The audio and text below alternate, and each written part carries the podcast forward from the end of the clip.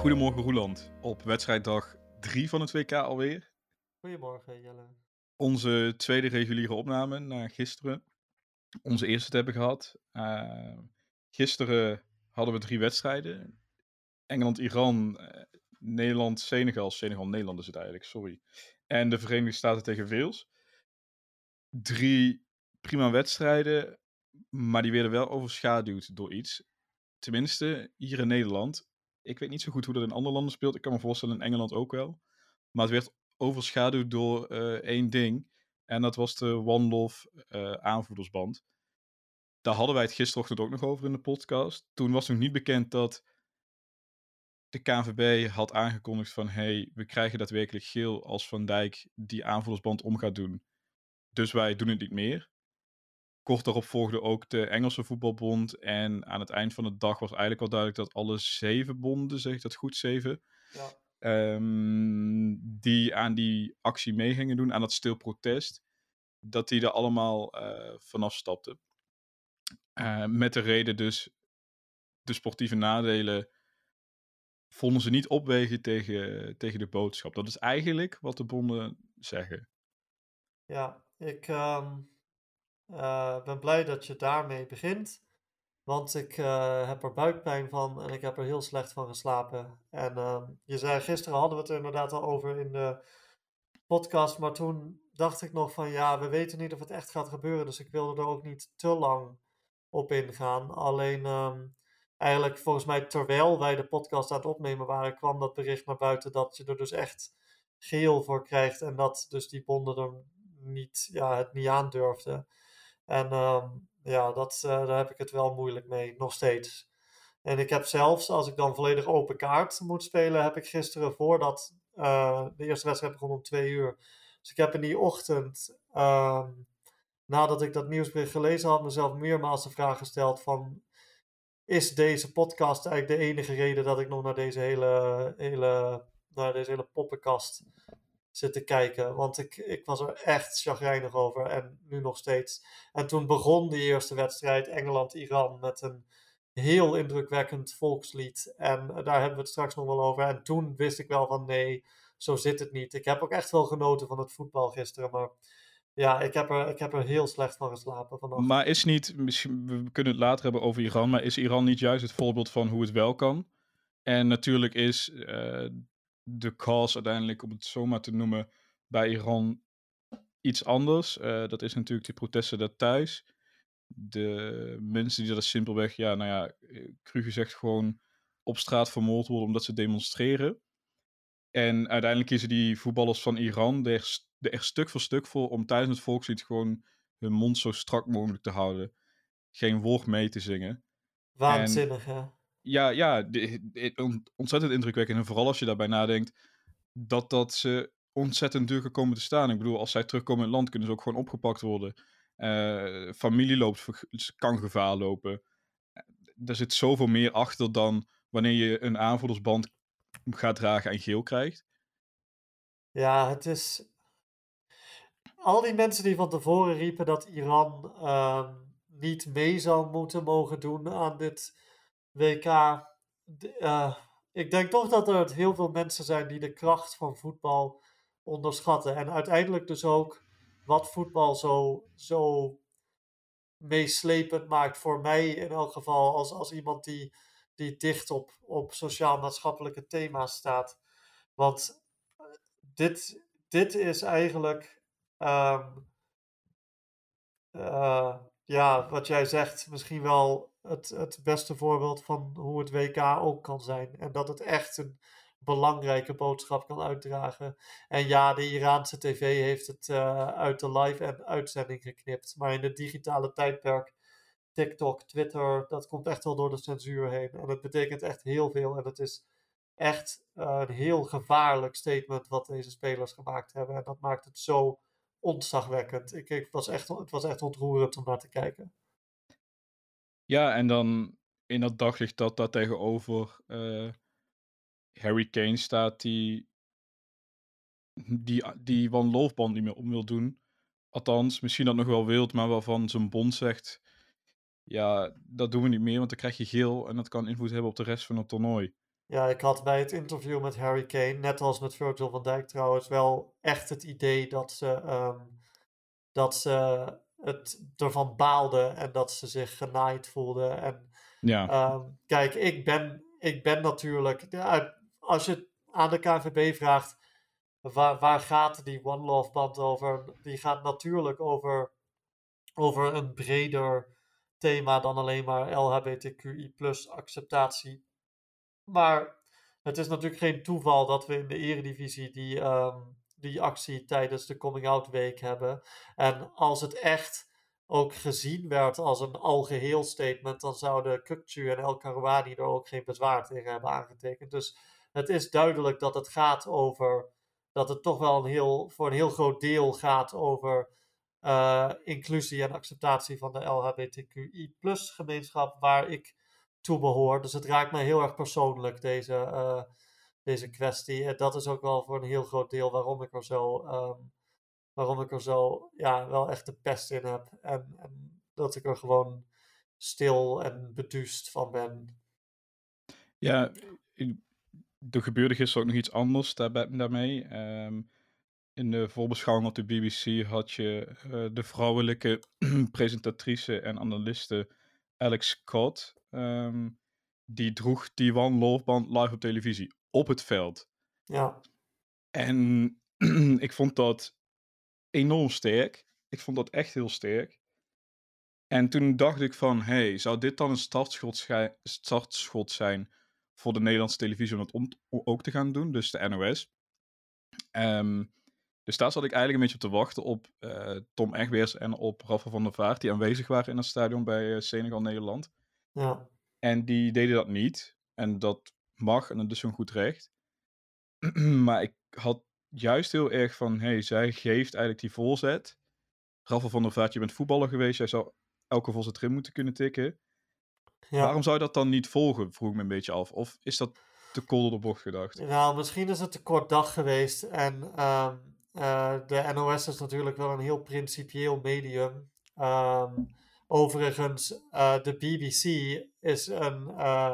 Is een medium dat uh, heel veel haat tegenover met name transgender vrouwen heeft gepropageerd de afgelopen jaren. Dus het, het, uh, het is ook niet zo simpel als alleen maar. Het is echt een persoonlijk statement van, um, van Scott. Um, Misschien dus, ook ja, wel omdat zij al genoeg shit over de heen heeft gekregen in de afgelopen ja, jaren. zeker. Dat en, ze heeft gedacht, ja, fuck deze shit en ik ga er gewoon mee door. Dat kan ik me goed voorstellen. Maar ik, ik hoop dus eigenlijk dat de NOS het ook zo benadert. Want iemand als Rivka op het veld bijvoorbeeld, die vaak uh, uh, de presentatie doet bij de uh, dagwedstrijd. Tenminste, dat deze gisteren en dat deed ze op het vorige EK ook. Um, die zie ik er wel voor aan om dat wel te doen. En ik hoop dat de NOS dat, dat toestaat. Ook al is het een vrij principieel medium als het gaat over um, neutraliteit en dat soort zaken. Ja, dat zou echt ondergeschikt moeten zijn aan, aan de, de totale, deze totale ramp die, die zich hier voltrekt in, uh, in Qatar. En ik hoop dat ze dat zelf ook inzien. En de KNVB, wat, had dat, wat hadden die anders kunnen doen? Um, kijk, ik um, nogmaals, ik, ik zit er echt mee. En ik, als ik het ga analyseren, dan merk ik dat ik uh, vooral heel erg boos ben op de FIFA. En uh, ook heel erg verdrietig word van de manier waarop er uh, door mensen op gereageerd wordt. Van, oh ja, mooi zo, dit, dit tyrannieke besluit van een, van een nou ja, autocratisch regime dat is goed, want dan kunnen wij weer van ons voetbal genieten zonder al die politiek erbij. Een mening overigens waarvan de Nederlandse media heel erg doen alsof die vooral buiten West-Europa mainstream is, maar die ik ook in Nederland continu herhaald zie worden. En dat doet echt wat met me. Maar ik kan mezelf eigenlijk niet. Ik kan mezelf niet zo boos maken op de KNVB. Terwijl ik echt wel heel kritisch ben op de KNVB. En ik, kan, ik word ook niet boos op de spelers van, van het Nederlands elftal. En, en um, uh, Engeland en al die andere landen. Um, ik, ik merkte wel heel veel boosheid. Sorry, ik ga nu wat langer aan het woord zijn. Ik, ik bespeurde wel heel veel boosheid in uh, mijn sociale kringen. Tegenover bijvoorbeeld Virgil van Dijk. Dat hij dus niet die gele kaart wil incasseren daarvoor. Maar ja, ik, um, ik, vind dat toch wel wat makkelijk geredeneerd. Want wat, wat mensen moeten begrijpen is dat wat de FIFA en de Qatarese overheid het allerliefst willen, is dat al die lastige landen, die overal maar kritiek op hebben, dus met name deze zeven landen, maar ook Amerika, Canada en Australië bijvoorbeeld, dat die vooral zo snel mogelijk uit het toernooi liggen. En dat maakt er niet uit hoe, uh, als, dat, als het narratief maar zo snel mogelijk niet meer geschreven wordt door landen die kritiek hebben op de totaal beschamende mensenrechten en discriminatiesituatie daar in Qatar. En dat is eigenlijk dus wat dat betreft heel sluw van wie ook dit bedacht heeft. Ik denk zelf dat het de Qatarese overheid was, maar misschien dat de FIFA er zelf ook wel mee op de prop is gekomen. Want op deze manier kan je ervoor zorgen dat je uh, uh, ofwel kritische landen de mond snoert, omdat ze geen sportieve uh, consequenties willen, uh, willen ervaren, ofwel dat je, ze, dat je het makkelijker maakt om ze op de traditionele manier uit het toernooi geknikkerd te laten worden. Want ik moet ook nog maar zien of het bij één gele kaart blijft. Als je, uh, als je aan je principes vasthoudt in deze. En ja, dat kan je dan zwak noemen van, van die spelers die dat niet doen. Maar het allerlaatste wat we moeten doen is onszelf uit het toernooi laten chanteren. En dat, dat geldt voor al die landen die, er, uh, die hier dus echt wel bereid over zijn een statement te maken. Ik weet dat bijvoorbeeld Manuel Neuer dit hier ook echt ontzettend van baalt. En uh, Simon Kier heeft zelfs gesuggereerd dat hij heel misschien toch die band gaat opdoen. Dus um, het, het is echt nog wel een, een slepend thema. Dat zou het niet geweest zijn als, FIFA, als de FIFA en de Qatarese overheid dat niet gemaakt hadden. Maar uh, ik vind het volledig begrijpelijk dat spelers dan hier een lijn trekken en zeggen van ja, dan doen we die band niet om. Want we moeten uiteindelijk in het toernooi blijven om dit soort dingen aan te kunnen blijven kaarten. Dan moet dat wel gebeuren. Ja, ik had op die manier nog helemaal niet naar gekeken eigenlijk. Um, ik was vooral heel erg bezig met de reactie van de KNVB. En ja, ik kan het eigenlijk niet zo goed verwoorden, denk ik. Nou ja, kijk, wat er um, Nogmaals, het, het is een droomscenario voor de organisatie van dit toernooi. Dat we straks in de kwartfinales al acht landen hebben staan die het allemaal ofwel hartstikke onbelangrijk vinden, ofwel uh, het juist eens zijn met de Qatarese regering over dit soort thema's. Um, dus ik vind het een goede judgment call. uiteraard moet de KNVB wel op basis van wat er hier gebeurt, bij zichzelf te raden gaan van hoe gaan we dit in de toekomst uh, aanpakken. En wat mij opviel, is dat de KNVB meteen dus zei: we gaan onze relatie met de FIFA kritisch evalueren. En de KBVB, die dus het woordje love aan de binnenkant van hun uitshirt moeten afplakken. Even voor de duidelijkheid: KVBB is de Belgische voetbalbond. Ja, dat klopt, de Belgische voetbalbond. Um, wat natuurlijk al helemaal volstrekt bezopen is. Die zeiden eigenlijk precies hetzelfde. En de KBVB zei er zelfs nog bij. Wij gaan samen met gelijkgestemde landen bekijken hoe we, uh, wat we hiermee gaan doen. Want we, we moeten, en zij hebben ook die exacte woorden gebruikt, onze relatie met de FIFA kritisch evalueren. Nou ja, dat is natuurlijk vage taal. En ik zou niet weten wat ze daarmee bedoelen. Maar ik vind het wel op een bepaalde manier hoopgevend dat in elk geval twee voetbalbonden dat nou al gezegd hebben. Uh, en vooral ook dat, dat die nadruk op samenwerken gelegd wordt. Want uh, dat, dat we niet zo verder kunnen. Infantino radicaliseert steeds verder. Um, dat, dat mogen duidelijk zijn. Ja, over radicaliseren gesproken. Uh, ik weet zijn naam niet, zo 1, 2, 3. Maar ik zag gisteren op Twitter een journalist voorbij komen die met een shirt buiten het stadion stond. Met daarop de, een regenboog. En die werd aan de poort van het stadion geweigerd. Tweette daarover. Uh, kwam een uur later alsnog wel binnen. En terwijl hem eerst werd gedwongen, hey, dat shirt moet je uitdoen. Hij tweette daar dus over. En vervolgens kreeg je honderden, zo niet duizenden bots op Twitter. Met allemaal hetzelfde bericht van, hey, je hebt ook gewoon het land, te of, uh, land waar je te gast bent te respecteren. Maar als we bij jou thuis komen, moeten we dat ook. Ja. En dat, dat, daar kon je echt doorheen blijven scrollen en scrollen en scrollen. En het waren allemaal precies dezelfde berichten. Allemaal bots. Allemaal bots waarvan van tevoren al werd gezegd: hey, als een journalist of iets dergelijks kritiek gaat hebben op social media, dan ga je gewoon door, getarget worden door uh, Qatar met bots. En dat werd gisteren voor het eerst duidelijk. En dan zit je, zit je pas op WK dag 2 gisteren. Ja. Ik had persoonlijk ook echt niet verwacht. Wij waren vorige week dan die voorbereidingen aan het doen. We hadden die opname met uh, Daniela Heert en Lucas Roda. Uh, toen gingen we het over Qatar hebben. En uh, toen benoemde, en het staat zelfs nog in de afleveringtitel. Toen benoemde Lucas wat. Toen vroeg, nou ja, laat ik zo zeggen. Ik vroeg, wij vroegen aan Lucas van: hey, wat verwacht je van het WK? Toen zeiden ik verwacht een WK van frustraties. We hebben inmiddels ja. vier wedstrijden gehad. We zijn iets meer dan 36 uur onderweg, dit EK. En tot nu toe is dat echt volledige waarheid. Frustratie is bij mij het overheersende gevoel. En ja. echt diepe, diepe, nou, bijna wrok zelfs wel. En wat, de, wat die journalist betreft, hij is natuurlijk niet de enige. Er zijn allemaal mensen met regenboogprularia geweigerd. Um, gisteren die de stadions in probeerden te komen. Iets waarvan Qatar al twaalf jaar roept dat het gewoon oké zou zijn. Maar wat nu dus toch niet oké blijkt te zijn. Precies hetzelfde met dat bier in die stadions, maar dan 600 miljoen keer belangrijker. Um, en uh, wat dat betreft heb ik wel heel sterk het idee dat de FIFA niet de architect van, dit, van deze hele actie is.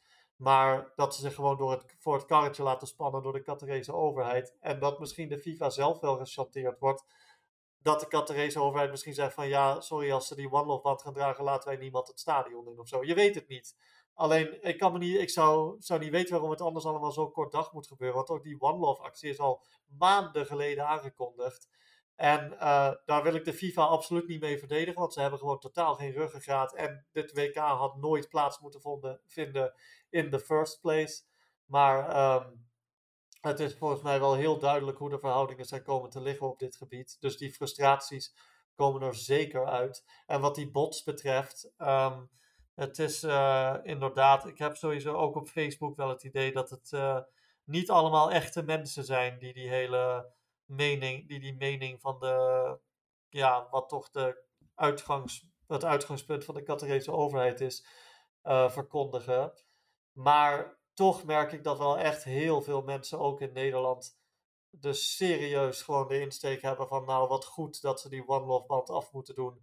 Want uh, je kan niet eens meer van het WK genieten door al dat politieke uh, gedoe. En tegen die mensen zou ik graag willen zeggen dat ze zo als de Wiede Weerga een boek over prioriteiten moeten lezen.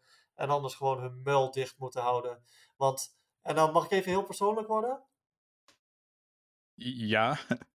Ik Um, ik ben, toen ik 15 was, uit de kast gekomen in mijn amateurvoetbalteam. Amateur hoef ik er niet bij te zeggen, ik ben nooit prof geweest. Um, en ik heb echt de tijd van mijn leven gehad met die, met die jongens. En, en uh, gewoon voetballen met mensen die je accepteren voor wie je bent. En het was echt een van de allermooiste dingen en een van mijn aller dierbaarste herinneringen uit mijn hele leven. En wat het WK specifiek betreft, um, het vorige WK in 2018 vond plaats vlak nadat mijn moeder was overleden. En toen vond ik het zo fijn om gewoon dom vermaak te hebben van, van hè, omdat ik zo van voetbal hou, waar ik dan toch in op kon gaan, los van dat ik me natuurlijk verdrietig voelde in die periode. En ik bedoel daar maar mee te zeggen, ik heb echt.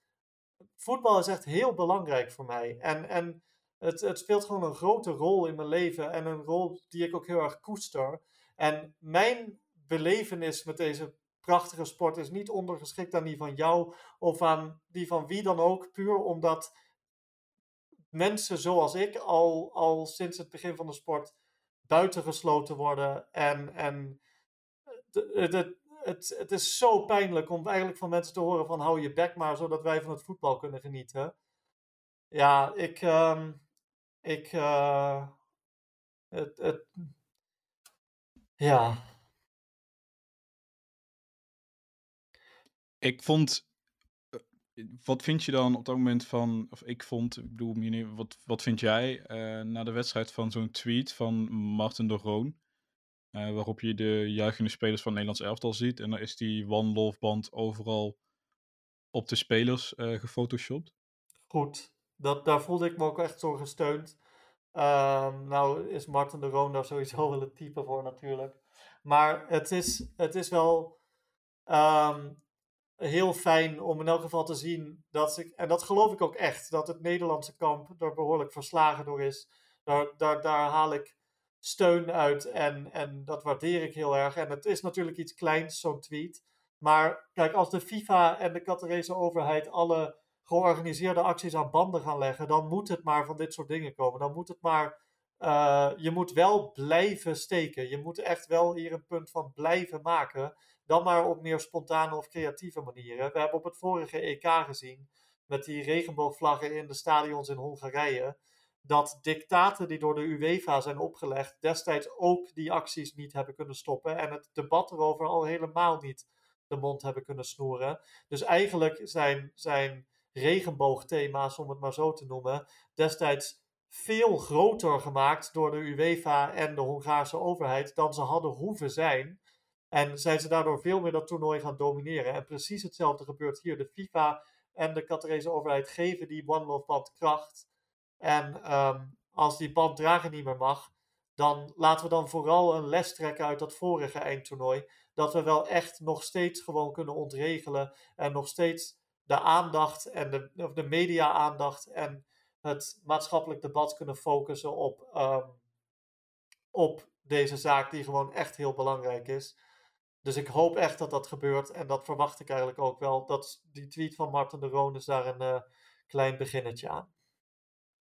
Wil jij daar verder nog iets over kwijt? Over deze hele situatie? Of uh, duiken we er morgen gewoon weer eventjes in?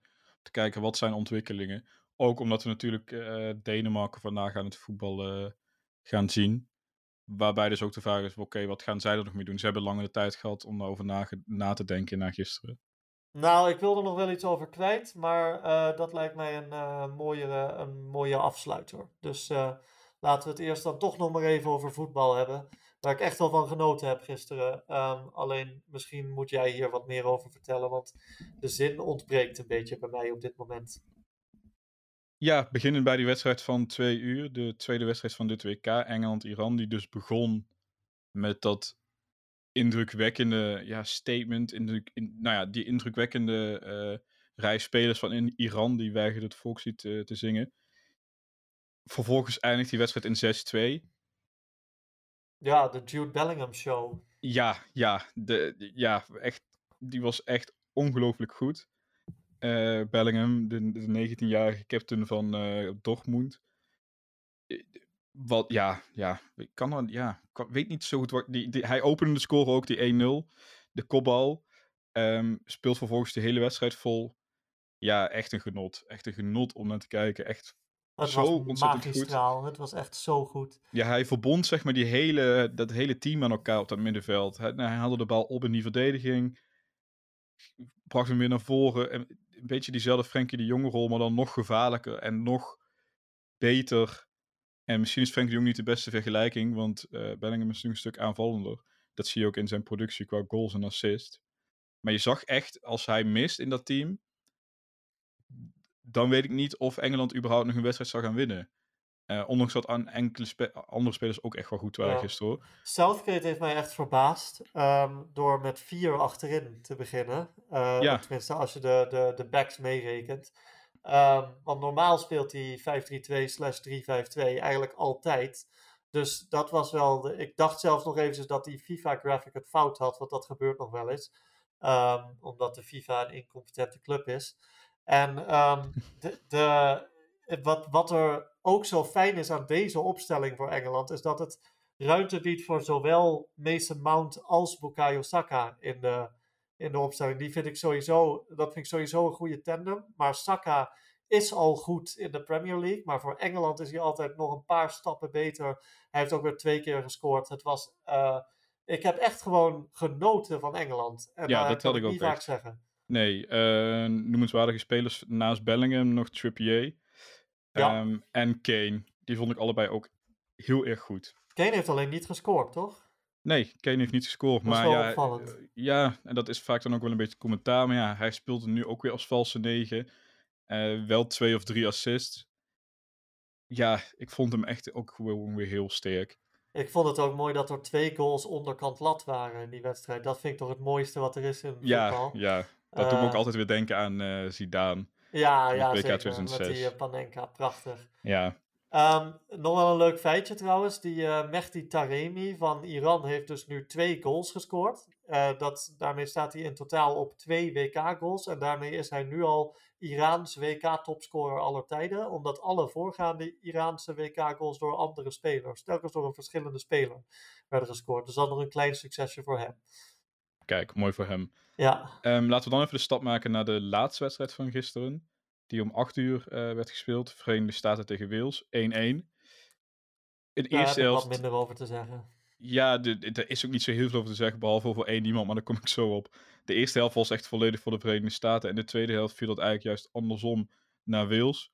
Eh, nou, mag ik gokken over wie jij iets te zeggen hebt? ja. Maar, nou ja, ehm, is het Gareth Bale? Want ik heb zelf eigenlijk Oh, nee. anders bij. Nee, precies. Want er er wordt altijd. Dan denk ik dat wij aan dezelfde persoon denken. Want er wordt altijd eh, gedaan alsof Gareth Bale de absolute sleutelspeler van Wales is. En hij is natuurlijk ook heel belangrijk. Maar er stond één man niet op het veld in de eerste helft.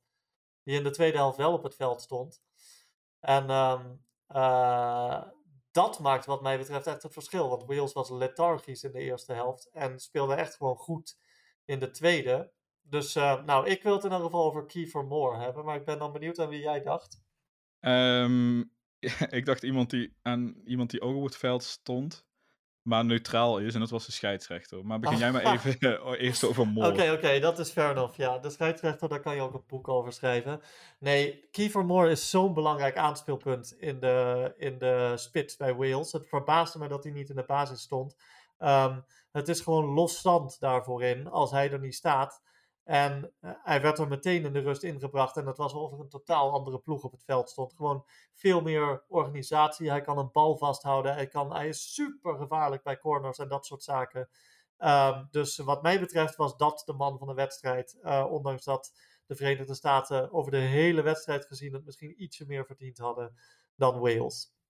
Ja, mee eens. Ik vond het wel mooi om te... Dit, dit was de eerste WK-wedstrijd waar, ik- waarin ik sfeer voelde in het stadion door de aanwezige fans van eh, eh, Amerika en Wales. Wat me Nou, wel doet... sfeer was er bij Senegal Nederland ook wel op de tribunes hoor. Maar gaan we door. Ja, eh, ja, ja, oké. Ehm, ehm, dat doet me wel uitkijken naar het WK over vier jaar, ondanks dat dat format helemaal gaat veranderen. Maar Ja. ik vond de sfeer echt wel lekker. En die ontlading toen beelden 1-1 scoorde, vond ik ook echt fantastisch om te zien. Dat was wel de eerste alle echte sprint die eh Beeld trok, want Ja, dat is wel heel treurig om te zien.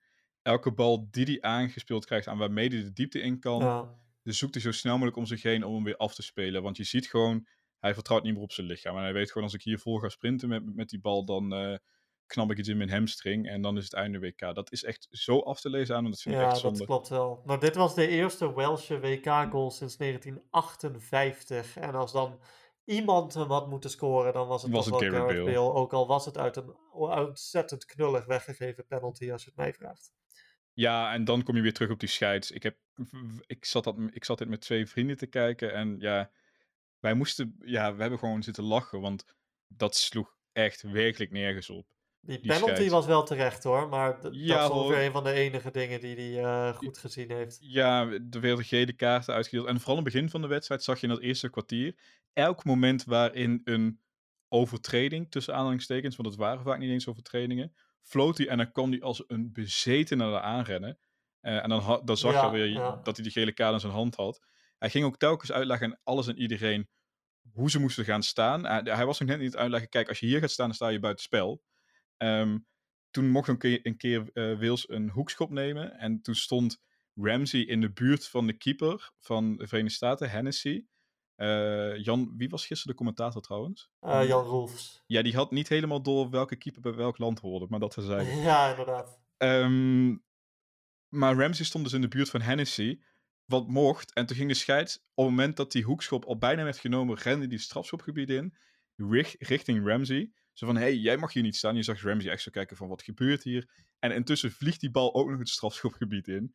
Eh, die scheids komt er bijna zelf binnen. Ja, echt een bizarre Het, vertoning was van... een, het, het, het gastland mag altijd een scheidsrechter afvaardigen. En ik weet niet of deze meneer ook geselecteerd zou zijn als Qatar niet de host was. Dramatisch. Over scheidsrechters gesproken trouwens. Morgenavond speelt België om 8 uur een wedstrijd Ja. tegen Canada. En daar staat een bepaalde scheidsrechter eh, dan op het veld waar je ook je vraagtekens bij kunt zetten. Ja, maar hij had een zonnesteek toch, toen hij na 85 minuten afvloot op de Afrika Cup. Ja, heel even kleine introductie. Eh, nee, nee, ga ik niet doen. Komen we morgen wel op. Ja, precies. Eh, nog een mooie cliffhanger voor morgen. Sluiten we even af eh, qua gisteren met Senegal-Nederland. Ehm, ik hoorde iemand, ik weet niet meer wie dat was, misschien was het zelfs Van der Vaart. En ik had nooit verwacht dat ik Van der Vaart zou quoten. Maar het werd een toernooioverwinning genoemd. Ja, als dat was in- het ook. Hey, gewoon niet al te degelijk voetbal, of wel heel degelijk voetbal, niet al te goed. En dan gewoon steady met 0-2 winnen. En zo moet je eigenlijk gewoon een WK starten. En eh, zo kun je ook ver komen. Ik vond Senegal opvallend goed zonder Sadio Mané. Ze Ja. hebben geen enkele echt uitgespeelde kans gecreëerd. Daar moeten ze nog wel echt aan werken. Maar voor het grootste deel van de wedstrijd was het toch echt Senegal dat aan het combineren was. En Nederland dat aan het counteren was. En dat stond niet in het draaiboek.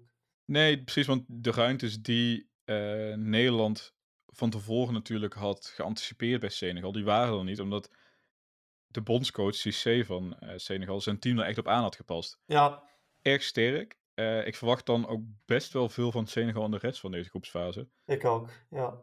Ondanks dat, en dan maakt het extra jammer dat Mané dan ontbreekt. Want Ja, maar voor Nederland, ik eh, vrees toch met grote vrezen wat er gebeurd was als Mané op het veld had gestaan. Want als ze ook nog een, een, iemand had, voorin hadden gehad die twee verdedigers uit kan kappen en een actie kan maken en de bal verfijnd in de hoek kan schieten, dan hadden we misschien wel verloren zelfs. Ja, dat durf ik echt niet zo goed te zeggen. Het was vooral dat de verdediging ook best wel eh, wat zwak oogde. De licht was gewoon niet goed. Nee, klopt. Ik vond Virgil van Dijk matig. De enige die redelijk degelijk was, was AK. En ook hij kwam niet altijd goed tot zijn recht. Nou, laten we de absolute uitblinker Noppert niet vergeten. De, toren van Jouren. Ja, prachtige bijnaam. Ja, ik hoorde die gisteren op televisie toen ook ook de- opgeschreven.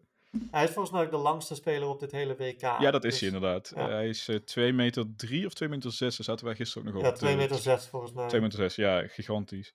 Eh, ook een prachtig interview met hem, met Jeroen Stekelenburg na de wedstrijd. Hè? Je zag dat, eh, Dat was prachtig, ja. ja, bij Herenveen krijgen ze nog niet zo heel veel mediatraining. En dat kwam volledig eh, naar voren. En het was echt heel vet om te zien. Vet, het was gewoon heel leuk om te zien. Ja, ja en ook dat, dat hij duidelijk, dat Van Gaal duidelijk eh, eh, dat het wel een beetje een oogappeltje van Van Gaal is. Dat, Ja, ja. ja, dat vind ik mooi. Ja, en, En, dat geeft zo'n jongen natuurlijk ook weer heel veel vertrouwen. En dat, dat, ja, dat, dat was echt heel leuk om te zien. Ja, verder nog, ik bedoel, het, we hebben volgens mij niet heel veel meningen over deze wedstrijd die niet al lang uitgesproken zijn. Ik wil als PSV-fan nog wel eventjes eh, zeggen dat ik eh, wel heel trots was dat Cody Gakpo zich meteen toch kon onderscheiden. Ook al speelde hij echt niet zo heel goed gedurende de hele wedstrijd. Nee, maar dat was natuurlijk ook best wel logisch. was.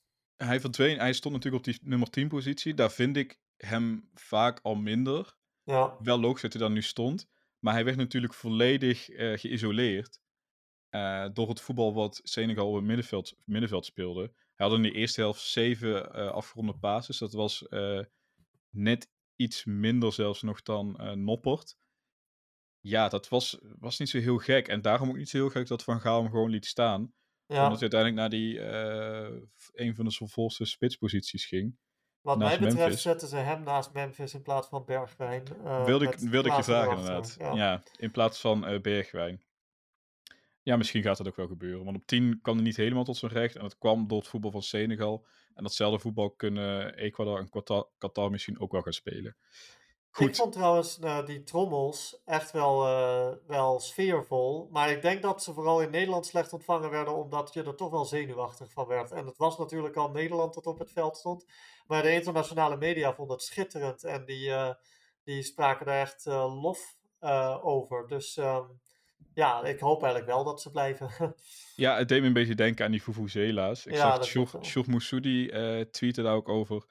Van, ik heb echt nog nooit zo'n geluid gehoord. Verschrikkelijk. En die zat dus in dat stadion. ja. Ehm, ja, daarom moest ik net ook lachen. Ik, ik vond het vrij storend, maar ja, de- uiteindelijk filter je er wel doorheen. Goed, ehm, laten we even afsluiten en, ja, en even snel dus nog kijken naar vandaag. afsluiter. Oh, Ja, je wil even nog vooruitblikken. Ja, heel even snel. eh, Argentinië, eh Saoedi-Arabië zien we dadelijk om 11 uur al. Uh, nou ja, de absolute topfavoriet, of een van de absolute topfavorieten. Daarna uh, Denemarken-Tunesië. Denemarken hadden wij ook in onze top 10 staan in de WK-voorbereiding. Verwacht ik ook best wel van, heb ik ook best wel zin in. Mexico-Polen om vijf uur. Sleutelwedstrijd in groep C al. Juist. Heel belangrijk. Erg, uh, erg benieuwd naar. Ik ben van beide absoluut geen fan, maar ik heb wel zin om Lewandowski en natuurlijk mijn Napoli-favoriet Zelensky te zien voetballen bij Polen. En om de dag af te sluiten, Frankrijk-Australië. Heb ik ook heel veel zin in, want het gaat echt laten zien. Gaat de vloek zich doorzetten ja, of niet? het van Frankrijk zijn hier op Juist. dit uh, toernooi? Daar zonder Benzema en uh, zonder Nkunku, zonder Pogba, zonder Kanté. Met een ogenschijnlijk niet fitte Varaan. Ja, heel benieuwd. Ja, het is een mooi programma, een druk programma. En ik hoop dus dat we het morgen vooral daarover kunnen hebben in de podcast. Ik heb er een half hoofd in, want uh, Loris zal natuurlijk ook nog een keer ter sprake komen. En ja. die weigerde die uh, band om te gaan doen. Goed, uh, jij wilde op een positieve noot afsluiten, dan laat ik dat aan jou. Ik bedank de luisteraar alvast voor het kijken. Jij bedankt voor je tijd weer, Roeland. En dat noem ik omdat na zo weinig slaap aan, na, zo'n, ja. na, zo, na zoveel frustratie, schuif je wel weer aan. Geen probleem, bedankt. ik doe het graag. Dus sluit jij lekker af en dan zie ik jou morgen weer en dan hoor je ons morgen ook weer. Ja, nou, door de, door de gebeurtenissen van vandaag, of gisteren eigenlijk, um, ben ik één ding wel in een ander perspectief gaan zien. Ik heb in onze eerste special, waarin we op de favorieten hebben voorbeschouwd, gezegd dat ik niet hoop dat Nederland dit WK gaat winnen. Dat is volgens mij zelfs de afleveringtitel geworden. Maar um, daar denk ik nu totaal anders over. Als de, het is zo duidelijk dat de FIFA ons eruit wil hebben, net als al die andere landen. En daarom heb ik zoiets van Louis, pak die beker, jongen doe het gewoon. We blijven er lekker in en laat die Infantino lekker doodvallen.